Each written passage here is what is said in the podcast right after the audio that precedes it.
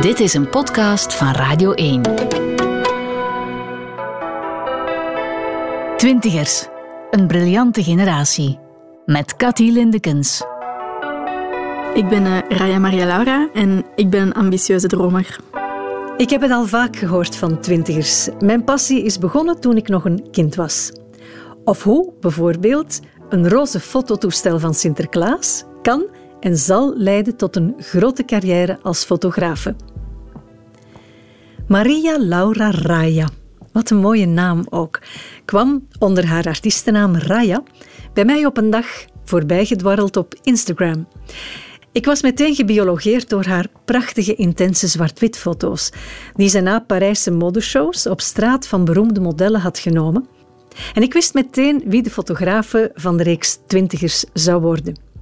Maar zij heeft zelf ook een boeiend verhaal van onzekerheid en kracht, van eenzaamheid en broederschap, met een fototoestel als schild. Raya. Ik ga nooit vergeten dat ik iets aan het eten was en opeens was er een wesp in mijn mond.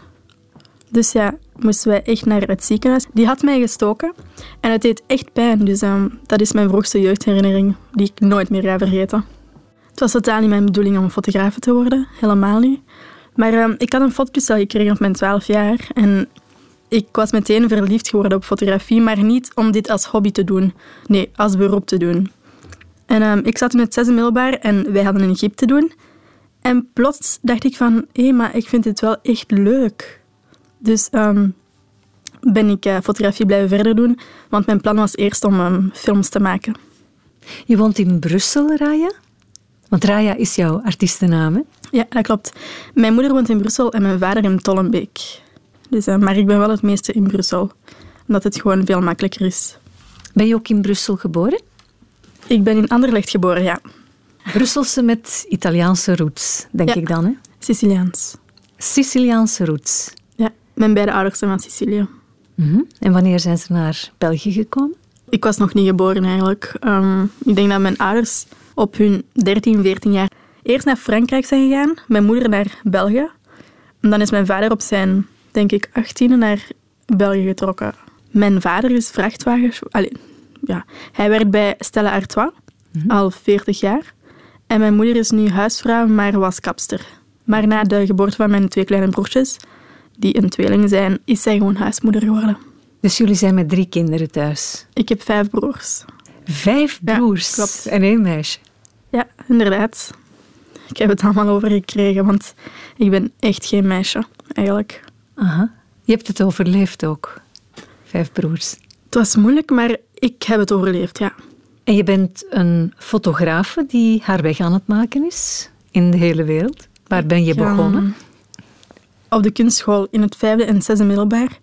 En toen ben ik naar um, Sint-Lucas gegaan in Brussel, universiteit. Maar ben ik gestopt na zes maanden, omdat ik had niet het gevoel dat ik er iets leerde. En ik vond het ook echt niet leuk. Ik werd constant afgebroken en dat vond ik ook echt niet leuk. En toen ben ik gewoon gestopt en ben ik ervoor gegaan.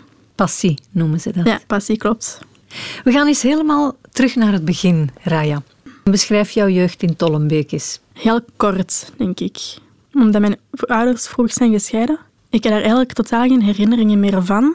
Maar ik denk dat dat het moeilijkste was op mijn 13, 14 jaar. Omdat ik ook op internaat heb gezeten van mijn 11 tot 19. Dus dat was wel het moeilijkste, denk ik. Ik zag mijn vader ook niet meer. Um, mijn moeder was er toen niet. Dus ja, zaten wij op een soort internaat leefgroep meer. En als klein meisje, wat voor een kind was je? Ik zong graag, ik danste heel graag. Ik wou echt zo dat alle aandacht op mij was. Ik was heel druk. En daarna is het allemaal verdwenen. Want nu is dat helemaal niet meer. Maar als klein kind was ik wel heel um, sociaal ook. Ik ging gewoon bij iedereen staan, met iedereen praten, op de tafels dansen, bij familiefeesten. Ja, zo was ik. Ik dacht eigenlijk dat ik zangeres ging worden of danseres. Maar nu op familiefeesten ben ik niet degene die uit het niks gaat beginnen dansen of zingen. Helemaal. Ik ben heel introvert geworden. Mm -hmm. ja. En hoe komt dat, dat je zo veranderd bent? Ik denk eigenlijk door mijn jeugd. Um, hoe moet ik het zeggen? Ik ben extravert naar de mensen die ik vertrouw, naar de mensen die mijn omgeving zijn. Maar ik kan ook wel heel introvert zijn. Dat hangt er vanaf van de situaties en met wie ik ben en zo'n dingen. En is dat om, omdat je gaandeweg dingen geleerd hebt die je getroffen hebben? Dat je mensen niet meer zo vertrouwt? Ja, ik denk dat iedereen zijn um, situaties heeft. En dat verandert je ook, denk ik.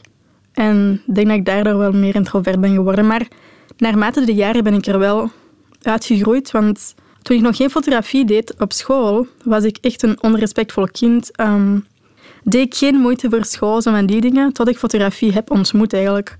Sinds toen ben ik eigenlijk heel open geworden. Mm ja. Dus jouw eerste schooljaren in het middelbaar onderwijs waren niet zo leuk? It was a mess. in het eerste en tweede was het nog oké. maar van het derde, denk ik, tweede, derde, tot het vijfde was het echt ongelooflijk. Ik had volgkaarten. Um, ja, ik was heel respectvol en dat, was echt, dat is echt erg voor mij om daar zo naar terug te kijken. Mm Ja, ik was echt um, gemeen. Ik weet niet. En misschien was dat een facet of zo, hoe wij het zeggen, een carapace. Volgens mij was, was dat het. Ik deed niet wat ik graag deed op school, dus dat was voor mij zo mijn manier van uiten, denk ik. Jammer. Ik deed um, eerst moderne wetenschappen. Toen ben ik afgezakt voor een vriendin. Echt stom. Naar, uh, nee, met een vriendin? Ja, sociale wetenschappen, wat ik wel leuk vond. Ik vond um, de psychologie heel leuk. Altijd al leuk gevonden. Toen ben ik gezins- en welzijnswetenschappen gaan doen. Waarom noem je dat eigenlijk afzakken? Ja, op school was dat zo, hè. afzakken. Ze naar TSO. Ze noemden dat zo. Ja, ze noemden dat zo. Ja. Maar de dag van vandaag vind ik het uh, woord afzakken heel uh, stom. Ja, maar het is gewoon iets anders ja, wat je gaat doen. Inderdaad. Toen deed ik um, gezondheids- en welzijnswetenschappen. Vond ik de sociale wetenschappen kei leuk. Weer de psychologie waren dat mijn beste punten. Um, als ik vandaag geen fotograaf was, was ik sowieso met kinderen aan het werken. Sowieso. En ja, dat deed ik. Tot ik fotografie ben gaan doen en video. Mm -hmm. Dan ben je naar kunsthumaniora gegaan. Is jouw vriendin meegegaan? Nee, nee, nee. Die zijn uh, op die school gebleven. Maar ik wou in derde middelbaar al gaan naar de kunsthumaniora. Maar ik mocht niet van mijn ouders. Dus ik denk dat ook daarmee mijn, mijn punten echt slecht zijn geworden. En ook mijn gedrag erbij. En na twee jaar heb ik teruggeprobeerd en is het gelukt. Ja, want van je twaalfde was je al met fotografie bezig, hè? Ja, maar zo meer als een hobby. Meer van, ah, leuke boom, ik ga daar een foto van nemen. Oh, zand. Is het zo toen dat je je eerste fototoestel gekregen hebt? Ja, ik had het gevraagd voor Sinterklaas. Het was zo'n hele mooie roze Olympus, die ik vandaag de dag nog steeds heb. Ik wou gewoon een fototoestel, omdat soms gingen wij op kamp en ik vond het wel leuk om momenten vast te leggen. Dus had ik het gewoon gevraagd en sinds toen ben ik nooit gestopt. En naarmate de tijd werden dat portretten en mensen fotograferen, zo van die dingen. En ik vond dat echt leuk om zo een bepaalde emotie op beeld vast te leggen. En oké, op mijn twaalfde wist ik dat nog helemaal niet. Toen waren het, waren het echt gewoon bladeren fotograferen, bomen, van die dingen. Mm. Maar um, ik denk op mijn 14, 15 werd dat meer. En deed ik ook mijn eerste shoot aan 20 euro. Lachelijk. Waren er vrienden die door jou ja. gefotografeerd werden? Een fotoshoot kregen van jou? Een kleine fotoshoot, maar het trok echt op niks hoor, als ik dat terug bekijk. Toen was ik kei mooi, hè. Maar nu, vandaag de dag, is dat... Amai, dat is kei amateur. Twintigers. Een briljante generatie. Waarom mocht je van je ouders niet naar de kunsthumanioren? Het was voor hun geen echte job. Het was meer een hobby. En ik moest echt iets gaan studeren waar ik later mee iets kon doen. En ja, fotografie was dat niet. Omdat mijn ouders ook niet creatief zijn weggelegd, denk ik. En ze snappen dat ook niet, dat dat ook een job is. Je voelde je niet goed op school? Had dat te maken met de lessen? Had dat te maken met hoe je zelf in je vel zat? Met de leerkrachten? Alles, denk ik. Gewoon de situatie waar dat je in leeft op dat moment. Sommige leerkrachten. Het heeft een beetje met alles te maken. Misschien hoe dat je in je vel voelt. Um, als je 14, 15 jaar bent, midden in de puberteit, is het wel heel moeilijk. Mm. En jouw puberteit speelde zich af op internaat. Mm Dat is ook bijzonder, neem ik aan. Ja, omdat je ouders er dan niet zijn. Dus het was wel heel moeilijk. Het was niet zoals de andere leerlingen in de klas. En je kon dat moeilijk uitleggen. Het was niet echt internaat, het was meer uh, leefgroepachtig. En heb je daar zelf voor gekozen? Nee, om... nee. helemaal niet. Dus je werd geplaatst ja, door je ouders. Herinner je je nog het eerste moment dat je met je valiesje... Dat was, wij zaten eerst in Brussel. Mijn broertjes en ik, ik was in het zesde leerjaar. Maar toen moesten mijn broertjes al gaan, omdat ik mijn um, zesde leerjaar moest afmaken. Dat was wel belangrijk, zodat ik het eerste middelbaar kon um, starten. Mijn broertjes hebben het eerste leerjaar overgedaan, um, omdat ze eerder zijn vertrokken. Dus ja, ik herinner mij dat wel. Ik was bang, omdat ik niet wist wat er ging gebeuren. Ik was toen elf jaar, ja, elf jaar. Dus je staat er niet zoveel bij stil, maar je weet wel van, oei, wat is dit? Het is wel heel raar. Ik denk dat dat pas komt op je 13, 14 jaar, het mhm. besef. En je kon niet argumenteren om toch thuis te mogen blijven? Nee, dat was niet mogelijk. En dan kom je in een leefgroep met uh, andere jongeren, andere meisjes, neem ik aan. Is dat makkelijk om daar dan meteen in te groeien? Of heb je daar dan tijd voor nodig gehad? Op zo'n jonge leeftijd is dat super moeilijk, omdat um, er zijn ouderen bij. En je voelt je zo klein tegenover iedereen en je kent niemand. Je hebt wel goede mensen die opvolgen. In Brussel was dat minder, maar toen ik naar Zelem ging en dan naar Diest, omdat ik te oud werd om in Zelem te blijven. Um, ja, je hebt gewoon echt goede mensen die opvolgen en het is super eng om je te moeten... Um, om je verhalen te vertellen tegen onbekenden. Ja. Het was super moeilijk in het begin, maar uiteindelijk schep je een vertrouwensband. Alleen na een tijd heb je dat. En dan is dat wel makkelijker en ken je die mensen ook. Iedereen die daar zit, heeft natuurlijk zijn eigen verhaal. Mhm. Dat helpt waarschijnlijk. Ja, iedereen heeft zijn eigen verhaal en iedereen gaat er anders mee om. In het begin was ik wel een beetje stout. een beetje eigenzinnig ook, omdat ik dat heel fel ben. Vandaag de dag nog steeds. Sommigen deden dat door um, arrogant te zijn, sommigen gingen wenen, sommigen weglopen. Het waren zo van die dingen. Maar ja, ik had mijn broertjes, dus dat was voor mij echt zo de steun. Dus jullie zaten samen in die, uh, in die leefgroep? Ja, wij hebben samengezeten tot mijn 16 jaar. Dus drie, vier jaar. En dat was wel een heel moeilijk moment toen we zeiden van ja, je moet weg omdat je te oud wordt. Die dacht van nee, mijn broertjes. En dan moet je helemaal alleen naar een andere leefgroep. Super eng ook. Dat was een meisjesgroep eigenlijk. Het was super eng omdat ik ook een van de jongsten was. Maar uh, elke vier maanden ging er iemand weg. En uiteindelijk op mijn 18, 19 was ik de oudste en was ik echt aanvaard en kende ik de mensen. En ja, ik vertrouwde hun. En ik denk dat zij echt een hele, moet ik het zeggen, een hele impact hebben gehad op mijn jeugd.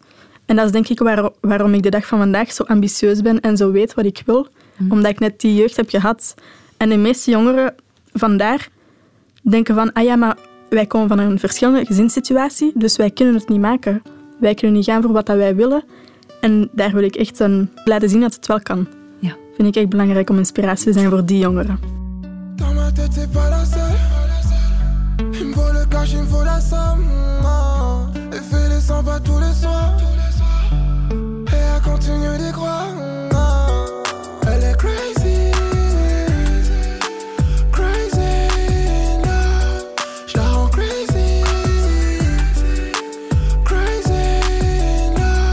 Ik was heel gesloten. Hè. Tegenover de opvoedsters ook. Ik was super gesloten. En het was heel moeilijk om vriendinnen te maken daar. Ik had één of twee vriendinnen, maar voor de rest... Ja, ik weet niet. Toen was ik ook nog um, introvert, dus leek het alsof ik een ego had of, of dat ik mij voelde. Maar dat was helemaal niet. Het was gewoon van, ik wil niet met u praten. Omdat, een bescherming rond jezelf. Ja, dat heb ik heel lang gehad. In zo'n groep ik kan me voorstellen, iedereen zit daar, verlangt eigenlijk een beetje naar een warme thuis. Is dat dan ook een warme thuis? Na een tijd wel. Omdat je gewoon geraakt aan die mensen, je schept er een band mee.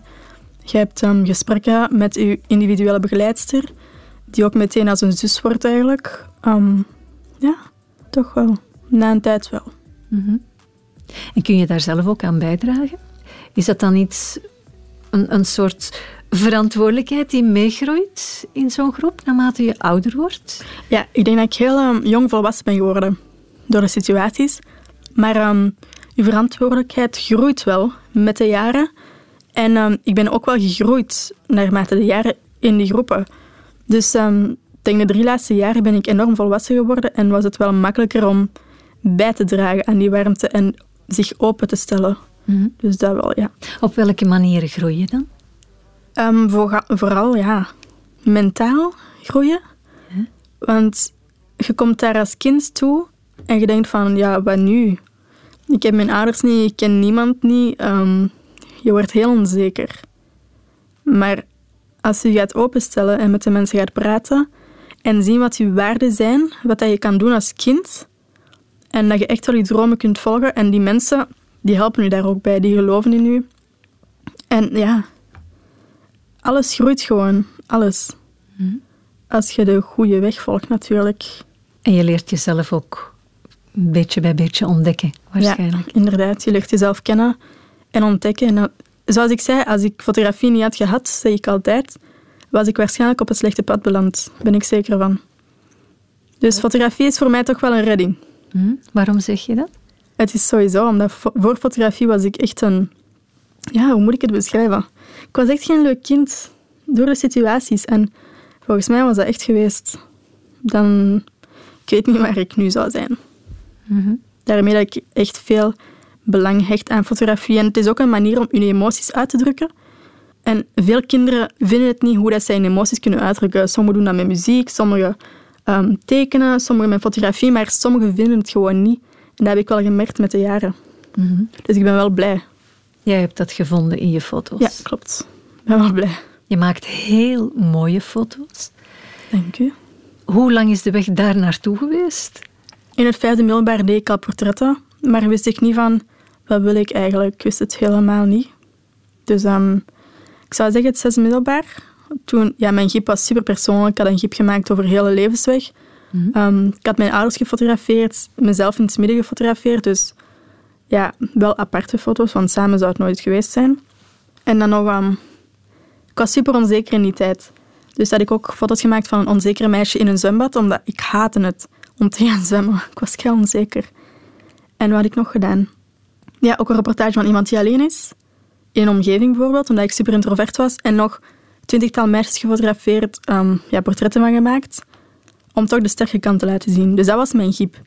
En ik denk sinds toen dacht ik van wow, eigenlijk ik vind dit wel echt leuk. Dus ja, denk sinds toen is dat gestart. Ja. Toen ben ik naar Sint-Lucas gegaan.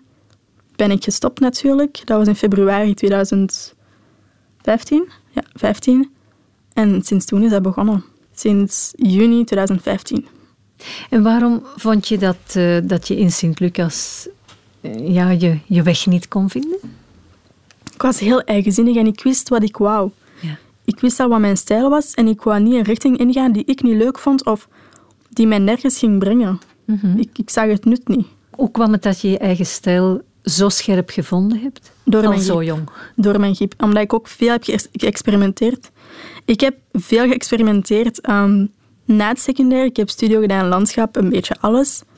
En ik keerde toch terug naar portret, omdat ik de emotie vastleggen zo leuk vond. En dat was ook een manier van uiten voor mij. Dus ik ben daarnaar teruggekeerd. En in het begin werd dat geapprecieerd op school, dus, allee, op de UNIF. Maar achteraf werd ik alleen maar afgebroken en hoorde ik van... Wat jij kunt, kan iedereen. En ik vond dat echt niet leuk om te horen, dus...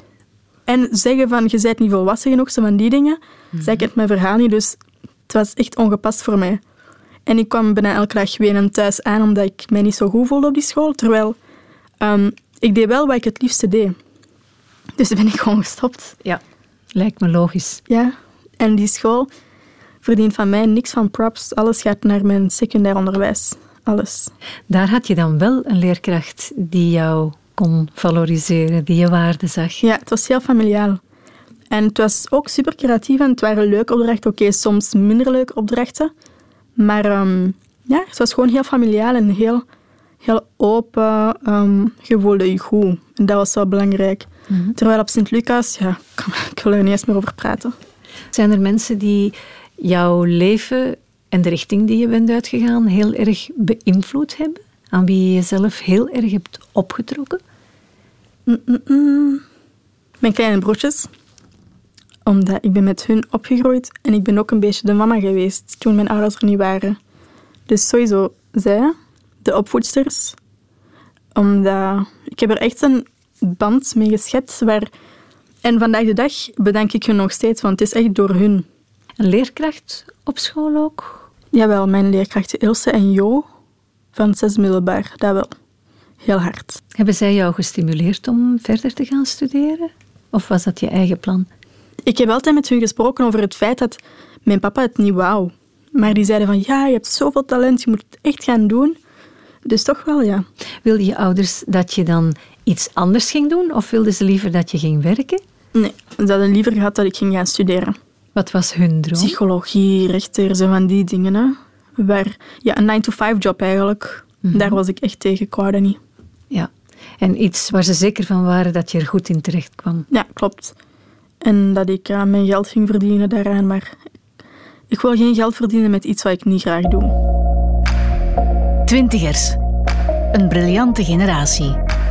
Met Cathy Lindekens. Sartre indachtig geloof ik dat je in je leven op kruispunten komt te staan, waar wat je doet de rest van je leven bepaalt en dat van anderen. Hoe is het voor Raya dan echt begonnen, vroeg ik me af. Dit is zo'n kruispunt. Je ontmoet wel sommige mensen voor een reden. En ik weet niet of dat toeval is of niet, maar die mensen brengen wel bij in je fotografie. En het is echt de juiste mensen ontmoeten ook. En dan kan het supersnel gaan. Iemand heeft jou meegenomen naar Parijs? Ja, klopt. Een vriend van mij. Hij wou niet alleen naar de Fashion Week gaan en we zijn uiteindelijk naar de Fashion Week gegaan. En er was een show die ik super graag wou doen. Hij wou niet gaan. Ik zei maar, jawel, je moet echt mee met mij. Ik heb het gedaan en die show, ja, heeft mij heel veel bijgebracht. Die vriend was ook een fotograaf? Hij is een blogger. Mhm. Ja, dus hij ging wel de fashion shows doen. Erover schrijven. Erover schrijven, klopt. En ik ging foto's maken. Buiten de shows, toen de mensen naar buiten kwamen. En mijn, ja, die show die ik echt wou doen was Balmain. En die heb ik gedaan. En ik heb de foto's online gezet. En een vriendin van mij, van vroeger, deed stage bij Balmain. En zij zochten een fotograaf. En ik was aan het sporten, ik weet dat nog. En zij belde mij van, hey, wilt jij, gaat jij in september naar de Fashion Week? Ik zo van, ik weet het niet. ja, uh, wilt jij foto's komen maken backstage bij Balmain? Ik zo, wat blieft. Ik ben gewoon te huilen. Ik dacht, sowieso. Ja. Ik wist dat Kim Kardashian daar ging zijn. En dat is een cruise van die mensen. Dus het was wel spannend. Ja. Toen je de eerste keer buiten op straat stond te fotograferen, dat herinner je je waarschijnlijk nog als gisteren, hè? Ja, ik dacht van, oh my god, hoe ga ik hier foto's maken? Ik durfde ook geen foto's te maken. Hoe oud was je toen? 19. Het was echt een gekke kot. Ik vond het niet zo leuk. Zoveel fotografen en zo, zoveel agressie en ja, zoveel, zoveel chichi mensen. Die denken dat ze het zijn. En daar kon ik echt niet mee om, want ik ben niet zo iemand. Hm. Hoe ga je daar dan tussen staan? Ja, toen durfde ik niet. Hè. Toen dacht ik van, kom, ik zal het wel laten. Maar dan heb ik ook uh, in Milaan... Iedereen stond aan de andere kant en ik wou niet gaan. Dus ben ik aan de achterkant gebleven en opeens kwam daar Big Sean buiten. Een heel goede rapper. En heb ik snel een foto gemaakt, twee, drie foto's. Het was echt... tsk, tsk, tsk. ja. En ik had de foto en die heb ik dan op social media geplaatst en die is gerepost geweest door hem. En dat was eigenlijk mijn eerste moment van wow, ik vind het eigenlijk wel leuk. Mijn allereerste foto die ik heb gepost was van Big Sean. Take my time, take my time, I'ma take my time. Na na na na na na na, look. Na na na na na na na. I'm single again. Single again. Told him we'll be better off friends. Maybe I should just focus on me. On me. Slow down, don't rush romance. Het is heel raar, dat zijn mensen waarvan de meesten zouden denken van wow, ik kan die echt niet bereiken, die is zo ver. Maar daar geloof ik echt niet in, want ehm, sinds Fashion Week geloof ik erin dat je iedereen kan bereiken wie dat je wilt. Maar toen was het echt een moment van, wat is dit? Dit kan toch niet? En dan sta je daar tussen eh, hoeveel fotografen? Ik denk dat het er 50 waren of zo. Allemaal mannen. Ik denk misschien twee streetstyle vrouwelijke fotografen, maar voor de rest allemaal mannen. Ik ben geen streetstyle fotograaf. De streetstyle fotografen ehm, zijn er echt voor zo de stijl van de mensen te fotograferen. En de stijl is kei belangrijk, terwijl bij mij is dat niet. It doesn't matter als je een goede stijl hebt of niet. Ik wil gewoon echt de emotie van de persoon op beeld ehm, verkrijgen. Dus eigenlijk een combinatie van streetstyle portret wat niemand doet. Ik vind emotie super belangrijk. Dus dat is waarom die, ja, dat gezicht zo fel uitkomt. Ik vind het super belangrijk. En, en hoe doe je dat? Wat, Ik weet het niet. ik weet het niet. Ik denk, het juiste op het juiste moment... Ik voel het wel wanneer die persoon naar mij gaat kijken. Het is super raar, maar ik voel het moment wel aankomen. En het is echt op het juiste moment afdrukken. En een beetje geluk hebben. Ja. Want ik heb al een foto van Alicia Keys gemaakt, maar die is niet mooi. Dus dat ga ik ook niet posten. Nee. Uit respect. En je moet je ook eh, heel goed ehm, opstellen. Ik heb het slim aangepakt. Ik ben bij de paparazzi gaan staan. Zij weten het, waar dat ze uitkomen. Oké. Dus ik ben ja, als fotograaf tussen de paparazzi gaan staan, wat in het begin geen goed idee was, want ik heb um, bloedneuzen gehad. Ik heb, ja, het was super agressief, maar het heeft wel altijd geholpen. Maar nu weet ik wel waar de uitgangen en ingangen zijn. Naarmate de tijd leer je het gewoon kennen. Waar mensen op een andere manier buiten komen, als Ja. wanneer ze door de voordeur en de Waar rode de loper gaan. belangrijke mensen naar binnen komen. Maar soms denken ze van, weet je, ik ga die ingang niet binnengaan. Ik ga gewoon de ingang gebruiken waar de gewone mensen naartoe gaan. En ehm, dat was bij Naomi Campbell het geval. Zij is wel binnengekomen langs ehm, de celebrity-ingang, maar buiten gekomen door de normale uitgang. Dat is de eerste keer in mijn leven dat ik wel had gelopen voor iemand. Want ja, Naomi Campbell. Laat ik niet zomaar gaan, hè. Meestal is het een moment van vijf seconden. Je staat er twee uur in de kou te wachten voor een moment van vijf seconden, maar je hebt het beeld wel, soms niet, maar meestal wel. Dus je, je mist de shows eigenlijk, waar iedereen voor gaat. Maar dat zeg je niet veel. Nee, Zie ik aan je gezicht? Ik vind... Het interesseert mij niet zo naar de shows kijken. Ik wil echt een moment vastleggen. En ik vind backstage fotograferen ook niet zo leuk, omdat het zo makkelijk is. Hm. moest, ehm, ja, ik heb het met Doutzen Kroes gehad. Zij zat naast mij en ik heb gewoon een foto gevraagd. Het is zo makkelijk, dat vind ik niet leuk. Terwijl buiten is het echt een challenge en moet je er echt voor gaan. Het is super spannend. Binnen is het echt niet spannend. Maar buiten maak je ook meer bijzondere foto's. Ja, het is meer, ja, binnen kan iedereen dezelfde foto maken. Het buiten leven is zoals het is. Ja, klopt. neem jij in beeld. Klopt. En ik vind dat veel leuker dan binnen gewoon een foto te vragen. Dat vind ik zo, zo saai. Hoe reageren de paparazzi? In het begin zien, je, zien ze je echt als concurrentie van oh nee, zij gaat meer verkopen dan die, dan die. Maar het was echt niet mijn bedoeling om mijn beelden te verkopen. En naarmate de tijd weten ze dat ook. En weten ze ook dat ik portretten maak. Dus nu zijn ze wel vriendelijk. Maar in het begin was het wel echt hard knokken. Het maakt echt niet uit of je een meisje bent, ze duwen hard.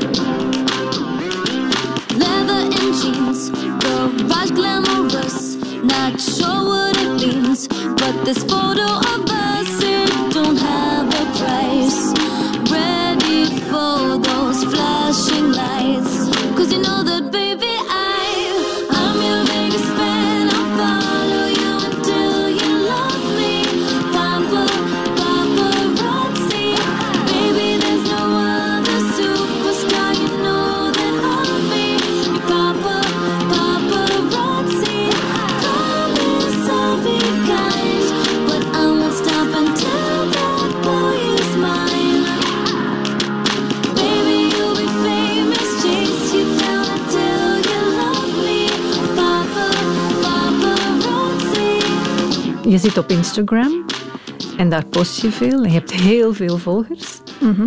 Vragen mensen wel eens aan jou om een foto te nemen van hen? Ja, mensen denken dat ik eigenlijk enkel bekende mensen fotografeer, maar dat is helemaal niet. Ik heb dat op mijn Instagram gezet en ehm, ik denk dat ik 50 aanvragen heb gehad van hé, hey, ik wil ook een shoot dan. Ik wist dat helemaal niet, dus ehm, ik doe ze allebei. Zowel naar mensen toe gaan als dat mensen naar mij toe komen. Veel mensen zeggen van wow, wow, you made it, maar totaal niet. Ehm, ik zit echt nog maar in het begin. En het was echt wel heel hard knokken. Ik, ik werk nu met mensen samen waarvan ik dacht van ik ga die nooit ontmoeten. En zo is dat elke dag. Ik heb gisteren foto's gemaakt met Christina Million, waar ik mee ben opgegroeid met de muziek. En het was super gek. Dus het is echt elke dag ehm, dat je kan groeien.